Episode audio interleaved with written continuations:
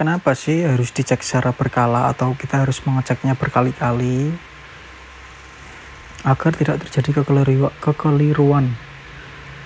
Jadi kita wajib mengeceknya berkali-kali secara mendalam. Oke, jadi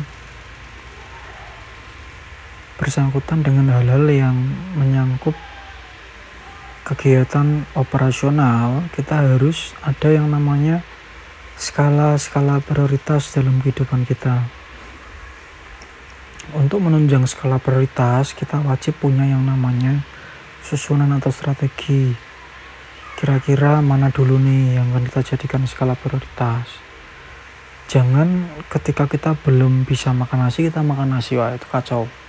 Kalau kita saat ini mampunya hanya makan bubur ya udah jalanin aja dulu kita makan bubur sampai kita benar-benar bisa yang namanya makan nasi.